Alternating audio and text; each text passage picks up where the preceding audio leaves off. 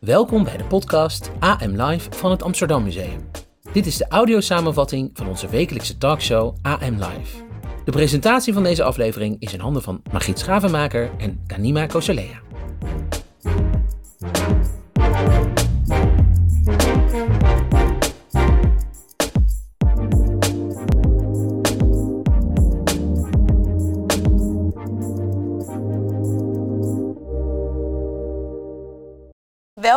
Wat leuk dat je kijkt of luistert naar AM Live, de talkshow van het Amsterdam Museum. Deze uitzending staat in het teken van Internationale Vrouwendag met als thema Impact met Invloed. En daar gaan we met diverse vrouwen over in gesprek. We blikken onder meer terug op de Internationale Vrouwendag in Amsterdam samen met eh, Raja Velgata en twee geportretteerden uit haar serie. En ook Isabel Heijnen en Marita Matthijssen zijn te gast over de positie van de vrouw aan het einde van de 19e eeuw. Onze conservator Annemarie de Wild bezoekt Café Het Mandje op de Zeedijk en in het museum. Daarnaast sluiten we af met een performance van volkszangeres Sophie Straat. Nou, bij ons aan tafel vandaag Raja Vogata, Gwegwe Pan en Mary Samanbin. Jij hebt deze twee vrouwen meegenomen om te vertellen over een project dat jullie hebben gemaakt voor Internationale Vrouwendag. Ja. Een fotoproject heb ik gehoord. Ja. Waar gaat het over en hoe heb je dit gemaakt? ja, waar gaat het over? Het gaat over eh, Amsterdamse vrouwen. Dat in eerste instantie. Eh, vrouwen die eh, in Amsterdam het verschil maken met hun werk en met hun visie en met hun missie. Echt voor impact zorgen binnen hun eigen community. In opdracht van de gemeente Amsterdam uh, Vrouwendag uh, geproduceerd en uitgevoerd. Op 8 maart ook uh, gezamenlijk gevierd. En met een fotoserie door de stad. We hebben in vier stadsdelen gestaan met 12 Amsterdamse vrouwen. Om op die manier de publieke ruimte te claimen eigenlijk. Om te laten zien dat, dat wij er zijn. En hoe heb je eigenlijk die twaalf vrouwen geselecteerd? Want ja, want Gwijgwij, hoe, hoe, kwam, hoe kwam je bij? Ja, nee, een goede vraag. Eigenlijk, uh, je kent elkaar uiteraard uh, onder andere uh, door werk. we hebben, en ik hebben elkaar een paar jaar geleden volgens mij ontmoet tijdens een, een meeting. Um, en de andere vrouwen eigenlijk heel organisch werden voorgedragen. We hebben research gedaan en uiteindelijk kun je de hele stad vullen met honderden vrouwen. Uiteindelijk moet je wel een selectie maken en we wilden zo divers mogelijk uh, een inclusief palet van vrouwen, Amsterdamse vrouwen laten zien. Ik zeg altijd, de Amsterdamse vrouw bestaat niet.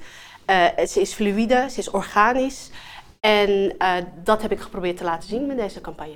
Mooi. En Miri, waar sta jij voor in dit palet? Uh, mijn uh, aanwezigheid is tweedelig. Enerzijds ben ik als PhD-kandidaat verbonden aan een uh, project waarin we sociaal beleid onderzoeken hier in Amsterdam. Dus de toegankelijkheid van kinderopvang bijvoorbeeld of mantelzorg.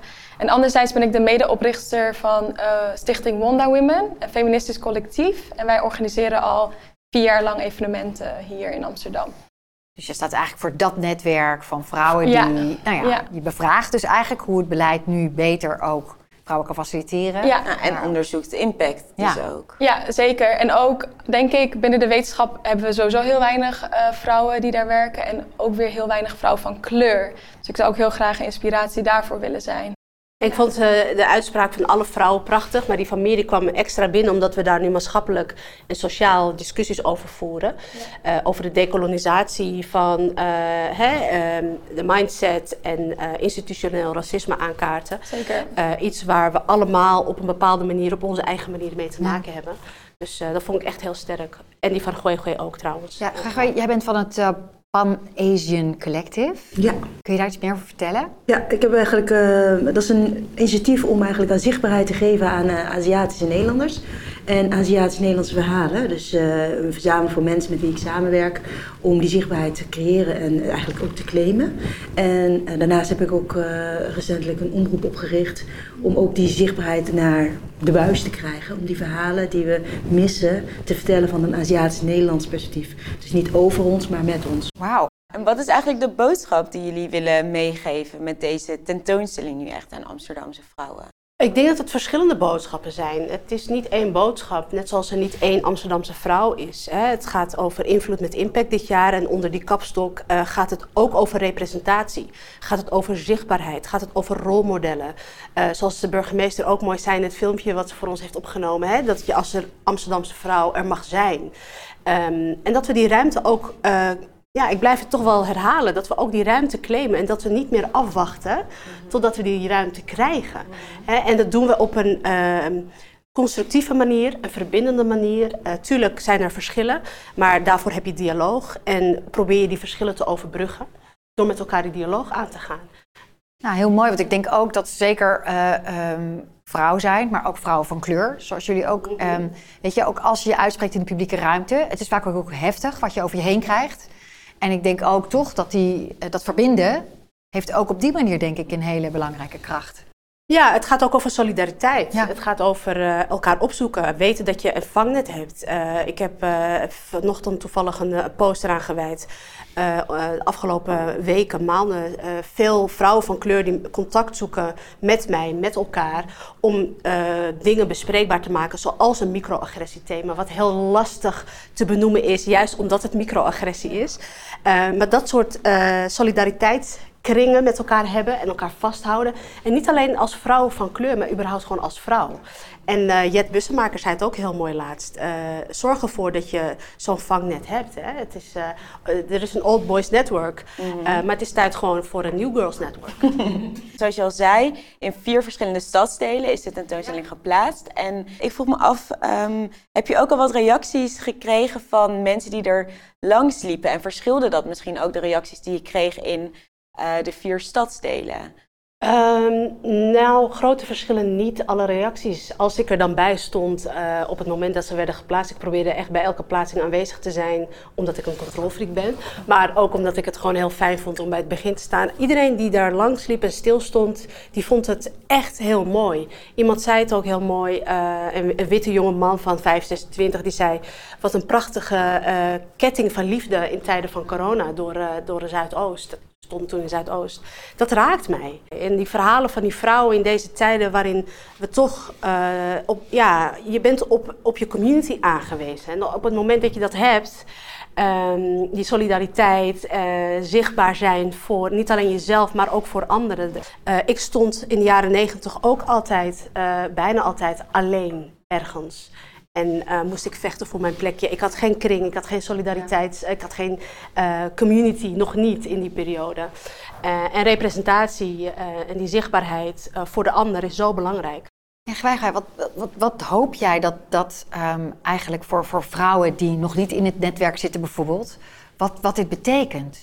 Een stukje positiviteit. En dat ze ook durven, want het, het zichtbaar zijn is ook een stap om je veilig genoeg te voelen om je uit te spreken. En ik denk dat dat heel erg nodig is om, om te laten zien wie we zijn. We zijn soms heel erg uh, bescheiden in elk opzicht. Terwijl wat jij doet en wat jij doet, wat jullie allemaal doen, eigenlijk schitterend werk is. En we moeten met elkaar in gesprek komen en met elkaar in gesprek blijven en vooral elkaar ook naar elkaar luisteren. Want dat mis ik soms in, in alles wat gaande is, dat mensen gewoon vergeten dat communicatie ook luisteren is. Miri, is dat iets wat ook terugkomt in jouw onderzoek? Um, nou, niet per se. We kijken daar veel meer naar uh, het, hoe beleid toegankelijk is voor vrouwen en gemarginaliseerde groepen. Maar wel meer in, uh, in Wonder Women. Dat ruimte innemen is inderdaad, wat ook weer teruggekoppeld is in de tentoonstelling, is dat vrouwen daar heel veel moeite mee hebben. En um, de barrières die zij tegenkomen over het algemeen heel erg als een individueel uh, falen wordt gezien, terwijl het vaak gaat om structurele ja. problemen. Dus je hebt enerzijds bewustwording nodig en anderzijds ook, oké, wat zijn hier de oplossingen voor? En kan je één soort van rolmodel aanwijzen? Heb jij, heb jij iemand gehad waar je tegenop keek en die jou ja, heeft geïnspireerd? Nee, eigenlijk is dat denk ik voor, vooral voor vrouwen van kleur. En ook als je uit de lagere klasse komt, je groeit op in een milieu waarin er geen mentor is. En ik had daar laatst ook een gesprek over hoe moeilijk het voor ons is om zonder een mentor een pad in je eigen leven te, ja, te creëren. Dus ik heb veel uh, aspecten gehaald uit verschillende vrouwen. Het waren wel altijd vrouwen op de universiteit of elders die me altijd, die hebben een deur voor me geopend, zeker. Dus het is een collectief gewin. Maar hoe moeilijk het is om uit een gemarginaliseerde groep te komen en geen mentor te hebben. En die gesprekken hebben we ook nog te weinig. Ja, je, je, bent zo gewend om die deuren zelf in te trappen. Hè? Precies, ja. Ja, je begint eerst met kloppen, heel Ja. voorzichtig, Ja. heel bescheiden. En op een gegeven moment moet je deuren in, in gaan trappen. Ik denk dat, dat, heel, dat dat heel herkenbaar is voor heel veel vrouwen. Ja, ja. En hopelijk zijn wij dat weer voor de volgende generatie. nou, dat denk ik wel. Als ik zo naar die tentoonstelling kijk, dan denk ik, daar staan gewoon een aantal fantastische rolmodellen. Dus ik denk dat voor een jonge generatie, maar misschien ook een oudere generatie, die daar langs fietst en die daar langs loopt, dat die denkt, hé, hey, kunnen, kunnen die personen dan nog weer terugkijken ook naar die foto's? Want ze zijn er nu niet meer, hè? Ze zijn... Nee, nee. eh, het is eh 10 maart, is, eh, het is de laatste dag eh, op het Waardloopplein. Eh, en dus een gister, hoop- helaas. Ja, gisteren. En eh, hopelijk online natuurlijk eh, terug te zien. En hopelijk krijgen we de posters ook. En dan kan ik ze uitdelen aan de dames in kwestie. En voor mij extra bijzonder. Ik ben een Amsterdammer in hart en nieren, geboren getogen in Amsterdam-West. Van huis uit, ik, ik ben journalist geweest. Ik noem mezelf nu mediaondernemer. Ik ben van huis uit geen fotograaf. Ik ben producent en regisseur. En ik vind het gewoon leuk om met een camera te, te, te knoeien. En ik vind het heel fijn om vrouwen vast te leggen in hun kracht. En dat is met deze expositie voor mij ook een cadeautje. Dus eh, die dames hebben mij hun eh, eh, verhalen verteld en ik heb ze vast mogen leggen. En dat is echt een voorrecht geweest. Dus het is een, ja, een hele mooie periode voor ons allemaal. En, Nou, ik wil je ongelooflijk danken. En het heeft mij al heel erg geïnspireerd. En ik hoop dus inderdaad dat we ze nog veel kunnen terugzien in jouw portretten. En dat Ja. je er nog meer gaat maken ook in de toekomst. nou, dat hoop ik ook. Dankjewel. Dank jullie wel. Dankjewel. Ja, vanuit het heden gaan we nu eventjes nou, eh, meer dan een eeuw terug de tijd in, naar het einde van de 19e eeuw. Het is in het Amsterdam Museum best een belangrijke tijd, want eh, ja, wij zitten allebei... met de Gouden Koets. Precies, Gouden Koets tentoonstelling. Die komt medio juni dus hier in het museum. Maar wij zitten nu heel veel onderzoek te doen naar die Gouden Koets, eind 19e eeuw. En eh, we hebben nu aan tafel twee specialisten eh, die ook zich richten in hun onderzoek op de rol van de vrouw in die periode. We hebben Isabel Heijnen, die onderzoek deed naar het borduurwerk van de koets. En, eh, en we hebben emeritus hoogleraar Marita Matthijssen, die specialist is op het gebied van de, de late 19e eeuwse literatuur. Ehm, Marita, welkom. Eh, om met jou te beginnen. Eh, de positie van de vrouw, eind 19e eeuw. Voor ons belangrijk natuurlijk die gouden koets, die was voor Wilhelmina, hè, de eerste vrouwelijke troonopvolgster. Werd in 98, 1898 aan haar eh, ehm, geschonken. Eh, maar wat was er toen aan de hand met die positie van de vrouw? Want dat klinkt natuurlijk fantastisch, eer- eerste vrouwelijke troonopvolgster. Maar voor vrouwen was het nog niet zo rooskleurig in die tijd, of wel? Nee, je moet echt een aantal onderscheiden maken. In de eerste plaats, de allerlaagste klasse, die had het verschrikkelijk moeilijk. Die had nog geen enkele opleiding gehad. Als het een beetje mee zat, konden ze lezen, een beetje schrijven, maar verder niet. En ze moesten keihard werken, gewoon eigenlijk om een gezinsinkomen bij elkaar te brengen. Dus in die lagere klasse was de vrouw ook meestal aan het werk. Dan iets hoger, dan heb je de kleine burgerij. Daar heb je wel vaak dat de vrouw niet werkt, huisvrouw is, weinig opleiding heeft gehad, weinig kansen heeft gehad om zich te ontwikkelen, maar wel misschien, enkele vrouwen hebben misschien iets gehoord van dat er toch eigenlijk meer mogelijk moet zijn voor vrouwen dan tot dan toe gebruikelijk was. Dus daar zit een lichte verandering in. Maar het is nog steeds zo dat de vrouw, ja, het einddoel van de vrouw is trouwen en kinderen krijgen. Geen stemrecht, dat kan pas later natuurlijk. Nee, maar ze zijn op dat moment wel daarmee bezig. En zeker in 1898, de tijd van de Gouden Koets en de aantreding van koningin Wilhelmina, dan is er al een vrouwenbeweging op gang gekomen. En dus met name vrouwen uit de wat hogere kringen die eh, educatie hadden kunnen krijgen, ze hadden al naar de HBS kunnen gaan op dat moment, die zetten zich in voor het stemrecht. Isabel, want jij hebt eigenlijk onderzoek gedaan naar misschien wel de lagere klasse vrouwen uit die tijd. En eh, de vrouwenbeweging. Want jij hebt onderzoek gedaan naar het borduurwerk van de Gouden Koets. Kan je vertellen hoe eigenlijk het borduurwerk aan de binnenkant van de koets samenhangt met de vrouwenbeweging eind 19e eeuw? Ja, zeker. Dat is eh, heel leuk eigenlijk hoe dat gegaan is. Want ehm, daar waren eigenlijk heel veel verschillende vrouwen bij betrokken. Ehm, want er waren eigenlijk verschillende organisaties die meehielpen aan dat borduurwerk. Eh, dat waren bijvoorbeeld twee uh, weeshuizen, waaronder het burgerweeshuis. Waar we nu zitten. Waar we nu zitten, inderdaad. Uh, dus die meisjes deden mee, maar ook de meisjes van het Maagdenhuis. en dan en je zegt zij deden mee, maar was het hun keuze om mee te doen? Of? Nou, voor die weesmeisjes was het meer eigenlijk al een eeuwenoude traditie dat zij leerden handwerken in het weeshuis. Uh, om nou ja, vaardigheden te leren waarmee ze daarna uh, nou ja, ook iets aan hadden, zeg maar. Uh, maar bijvoorbeeld van andere organisaties die meededen, waren ook Schade en Arbeid Adelt, die echt waren opgericht met het doel van hier kunnen vrouwen komen om te werken en daar ook geld voor te krijgen. dus voor hun was het meer echt ja, een, een keuze om dat te doen, inderdaad. Uh, en dan waren er ook nog de vrouwen van uh, de kunstnaaldwerkschool. Dat was onderdeel van de Rijksschool voor Kunstnijverheid.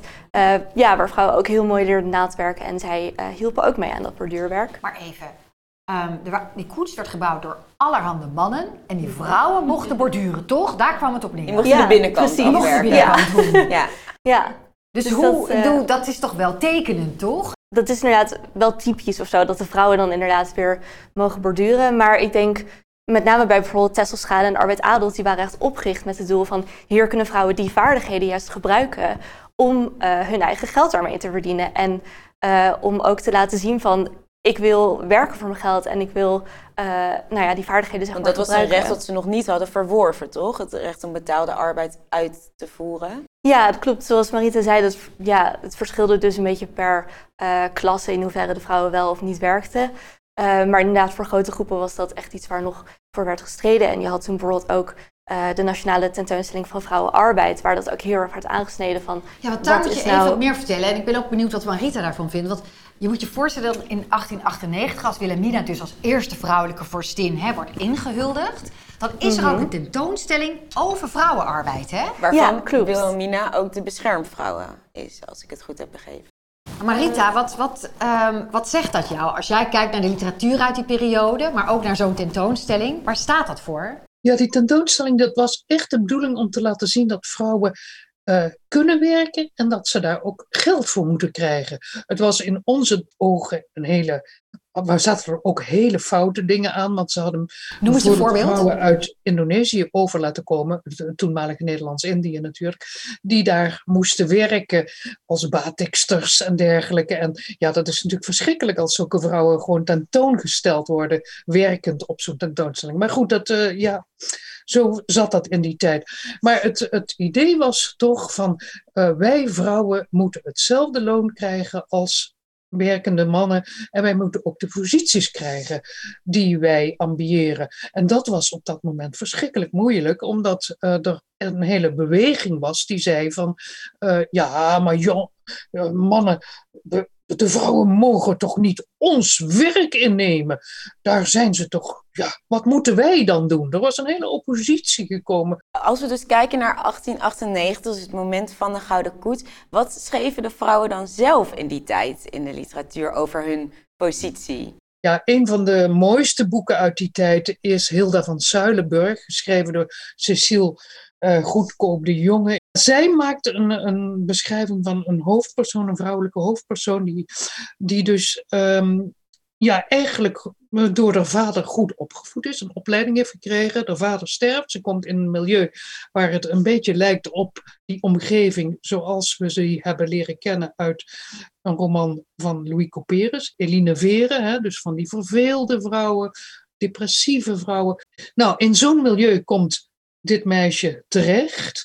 En daar raakt ze helemaal van overstuur. Van dat je alleen maar met het uiterlijk bezig bent. En dan komt zij door toeval komt zij vrouwen bezig die in een ander uh, die, die, die zich echt inzetten voor de maatschappij. Een vrouwelijke arts, een van de eerste vrouwelijke artsen. Iemand die voor de vrouwenkiesbeweging werkt. En vanuit de kennismaking met die vrouwen zie je dat Hilda dus zichzelf ontwikkelt. En dat ze dus ook ziet dat niet het enige is waar je naar moet streven, een huwelijk. Ik ben heel benieuwd als we dan naar Isabel gaan, die dat onderzoek heeft gedaan naar die, hè, die meisjes hier, die weesmeisjes, die dan meeborduurden bijvoorbeeld aan hè, die, die stoffen in de koets. Als je dat vergelijkt met zo'n verhaal, dat is toch ook nog weer een wereld van verschil. Ja, absoluut. Uh, maar wat het leuke is, is dat je bijvoorbeeld bij die tentoonstelling van vrouwenarbeid ook zag, dat was niet alleen een tentoonstelling, maar er zat een heel programma omheen met allemaal congressen en daar werd alles heel erg besproken en aangekaart. En een onderdeel daarvan was ook de wezenopvoeding en uh, hoe vindt dat handwerken, heeft dat daarin een rol om hun ook uh, ja, vaardigheden bij te brengen waar ze ook nog iets aan hebben na het verlaten van het weeshuis. Dus inderdaad, het was heel anders, maar je merkt wel dat vrouwen daar echt uh, actiever over gingen nadenken. En ook als je bijvoorbeeld kijkt naar de notulen van Schade die ik heb gevonden, dan zie je daarin ook heel precies staan van ja, uh, het was heel veel werk en het viel eigenlijk wel tegen. En daardoor ook de betaling. En dat ze dan echt gaan uitrekenen hoeveel ze betaald kregen en hoeveel uur werk erin zat. Um, dus dat ze wel, ja, wat Marita ook vertelde, uh, actiever daarmee bezig gingen. En nadenken van ja, hoe, hoe zit het nou eigenlijk? En hoeveel krijgen we nou betaald? En wat vinden we daar nou eigenlijk van? Ze waren niet eens gezind erover, toch, in de beweging? Nee. Ze waren ook op een gegeven moment weer afsplitsingen. Klopt, inderdaad. Ja, want het begon uh, als de vereniging uh, Arbeid Adelt. En later uh, is Tesselschade afgesplitst, omdat bij Arbeid Adelt vonden ze van... ja, je moet ervoor uitkomen dat, je, dat je geld wilt verdienen... en je naam moet bij dat werk staan. Terwijl bij Tesselschade vonden ze dat toch echt een stap te ver. En dat was niet fatsoenlijk. Uh, dus zij zeiden van nou, wij willen liever uh, anoniem blijven. Uh, en dat soort ja, debatten van wat is nou fatsoenlijk werk voor een vrouw en in hoeverre moet je ervoor uitkomen dat je geld wilt verdienen. dat waren dingen die heel erg speelden en die toen nou ja, dus op die tentoonstelling ter sprake kwamen, maar ook ja, in de Gouden Koets dus tot uiting komen in de vorm van twee verschillende verenigingen die daar toch samen aan werken. Heel veel dank voor jullie aanwezigheid. En uh, nou ja, we zien jullie vragen terug natuurlijk uiteindelijk bij de opening van de koets medio juni. Yes. Dank voor de uitnodiging. Ja, veel bedankt. Vanaf 1927 runde Bet van Beren Café Het Mandje op de Zeedijk. Een plek waar lesbische vrouwen en homoseksuele mannen hun geaardheid niet hoefden te verbergen. In het Amsterdam Museum hebben we een replica staan en onze conservator Annemarie de Wild nam ons mee naar deze plek om te vertellen over de verhalen van Café Het Mandje. Daarna gingen we ook nog naar de Zeedijk om samen met Diana, nicht van Bet, het mandje te bekijken. We zijn hier in een eh, reconstructie van Café Het Mandje op de Zeedijk, maar in het Amsterdam Museum. Dus het lijkt een echt café, maar nou ja, het is het niet. De, de tap doet het helaas niet. In 1998 eh, hadden we een tentoonstelling over eh, Amsterdam in de 20e eeuw. En dat was voorbereiding op een nieuw deel van de vaste opstelling. En uh, nou, terwijl we het gaat met zo'n tentoonstelling, bedenk je van nou, dit moet erin, deze thema's zitten erin. En op een gegeven moment hadden, dachten we eigenlijk, nou, er zijn twee thema's die nog ontbreken. Uh, het caféleven en we hadden ook niks over homoseksualiteit, gay life. En, uh, en toen zei Joa, dat is de vormgever met wie we toen die tentoonstelling maakten. Die zei, nou, ik weet het wel, Café het Mandje moet erin.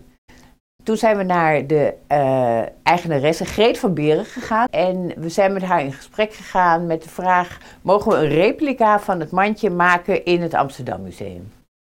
Wat, wat we hier hebben en wat het echte café niet heeft dat interview uh, met Greet hebben we toen ook gemaakt. En nou ja, dat vind ik zelf een van de mooiste dingen van, van dit café.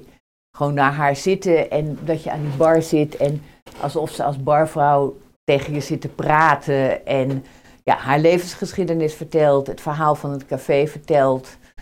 Um, ja, dat vind ik zelf eigenlijk het allermooiste van dit café. Het is een soort ja, het, is een soort tijdcapsule. Het is een, het is een omgeving uh, die ja, echt is en niet echt, uh, maar wel een heel echt verhaal vertelt.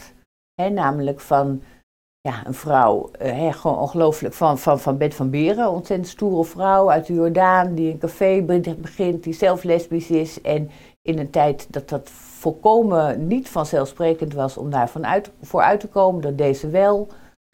Mensen konden in het café komen um, en nou ja, laten zien, niet, niet hoeven verbergen wie ze waren. Dus dat is gewoon een belangrijk verhaal. Dat dat soort vrijplaatsen er waren in Amsterdam. Het mandje is het mandje gaan heten toen Tante Bet het café overnam. Daarvoor was het café Amstelstroom van ome Toon Engelen. Dat is een stiefoom van Tante Bet. En zij heeft het het mandje genoemd omdat haar moeder mijn oma, die kwam haar elke dag eten brengen in een mandje. Het mandje.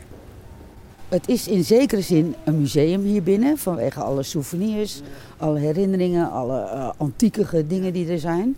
Maar het is ook een levend café. Uh, het is ook niet zo dat Tante Bet het café opende in 1927 en het vol hing. En dat dat het dus is. Nee, daar is in de loop van nou, een kleine honderd jaar steeds dingen bijgekomen. Er zullen dingen meegepikt zijn. Uh, dus het beweegt. Het is levend. En de kunst is een soort van dat je het zoveel mogelijk bewaakt. Ze maakt principiële smartlappen over thema's als woningnood en gentrificatie. Werd onlangs genomineerd voor een Edison in de categorie Nederlandstalig. En vandaag is ze bij ons in de studio voor een performance. Volkszangeres Sophie Straat. Hallo. Welkom. Dankjewel. Hoe is dit eigenlijk begonnen? Want ik heb gehoord dat het een uit de hand gelopen afstudeerproject is. En dat het helemaal niet jouw droom was om volkszangeres te worden. Dat, dat is eigenlijk precies hoe je het zegt. Klopt het? Ja, ik, ik, het was sowieso nooit een droom om zangeres te worden. Laat staan volkszangeres. Je zat op de kunstacademie, Ik zat toch? op de kunstacademie inderdaad. Ik heb gewoon altijd gedroomd om kunstenaar te worden. Nou, specifieker nog om fotograaf te worden. Nou, ongeveer halverwege de academie ontdekte ik ook wel dat dat niet per se voor mij was. En begon ik meer te kijken naar verhalen vertellen. En dat deed ik dan wel beeldend, dus met filmpjes maken. En ik was altijd wel ergens bezig met projecten rondom sociale ongelijkheid. Ik ben jouw werk voor het eerst tegengekomen uh, begin het jaar in galerie Romandos. Ja. Die toch niet de minste uh, tentoonstelt. En daar um, met een grote bakfiets ja. en een song voor jou, een smartlap daarin. Ja, ik vond het ook hilarisch dat ik daarvoor was geselecteerd. Want het heet dan Best of Graduates. En de hele academie lang was het alleen maar aanhoren dat niet goed was wat ik deed.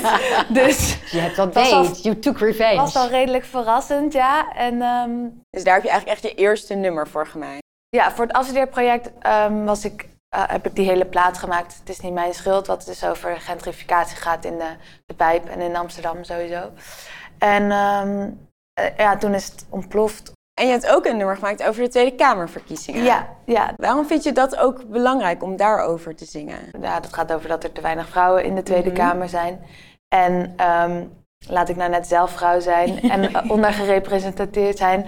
Uh, ja, dat was wel een reden om een liedje daarover te gaan schrijven. Aangezien ik al bezig was met liedjes schrijven. Dus ja. Maar hier ga je een ander nummer zingen. Ja. En dat gaat eigenlijk is een beetje het thema wat we uh, vorige week uh, in AM Live hadden. Ja. Over gentrification inderdaad. Ja, ja deze Geluk. gaat over de woningnood in Amsterdam. Of ja. ja. Maar dat heeft natuurlijk heel veel te maken met gentrificatie. Want woon je zelf nu in Amsterdam? Ja, ik ben net terug verhuisd. Eh, twee weken geleden of zo. Ja, twee weken geleden. Maar het du duurde zo lang voordat ik iets had gevonden. En ik heb nu wel wat. En het is dan, ze zeggen goedkoop voor Amsterdamse begrippen, maar het is echt teringduur. Dus, uh... Maar je bent weer terug. En je dit nummer, precies, dit nummer gaat nog even, neemt ons mee in de wereld voordien. Ja, ja, ja. ja? Nou, de floor is yours en dan gaan we luisteren.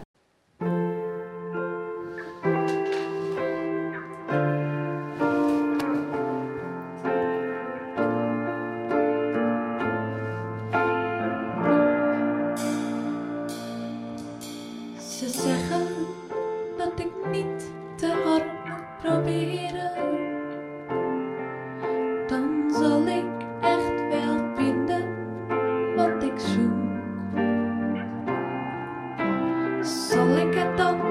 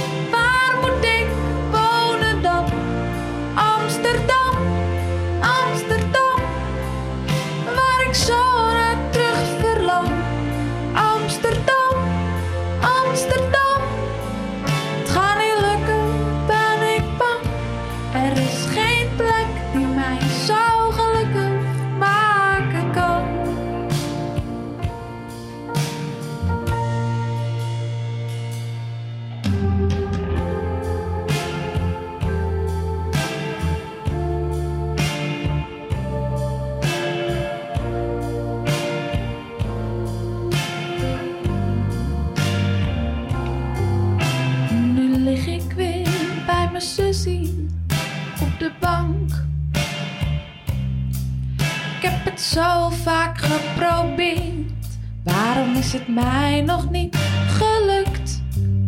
Het is waar, ik vergeet soms te reageren. Maar ligt het wel aan mij? Of is het een kwestie van geluk? Ik verdien dit, heel misschien dit.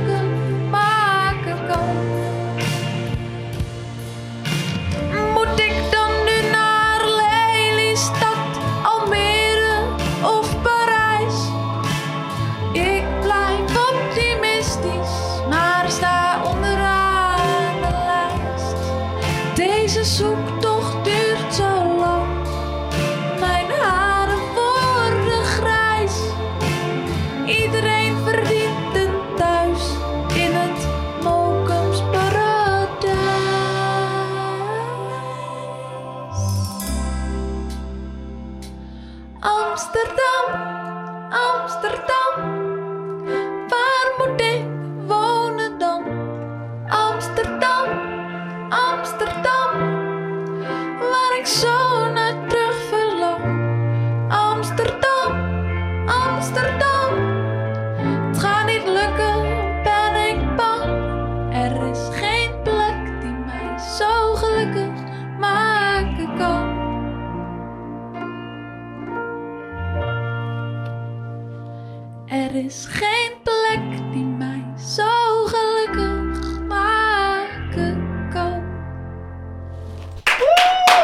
dankjewel Sophie. Dat was super mooi. En eh, we gaan voor je duimen voor de Edison.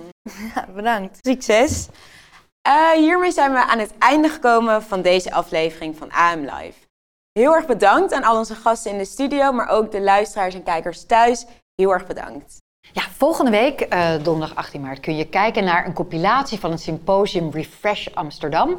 Ehm, en daarna, de week daarna, komen we terug met een aflevering van AM Live over hoe maak je eigenlijk een tentoonstelling over het koloniale verleden. We hopen dat je weer gaat kijken.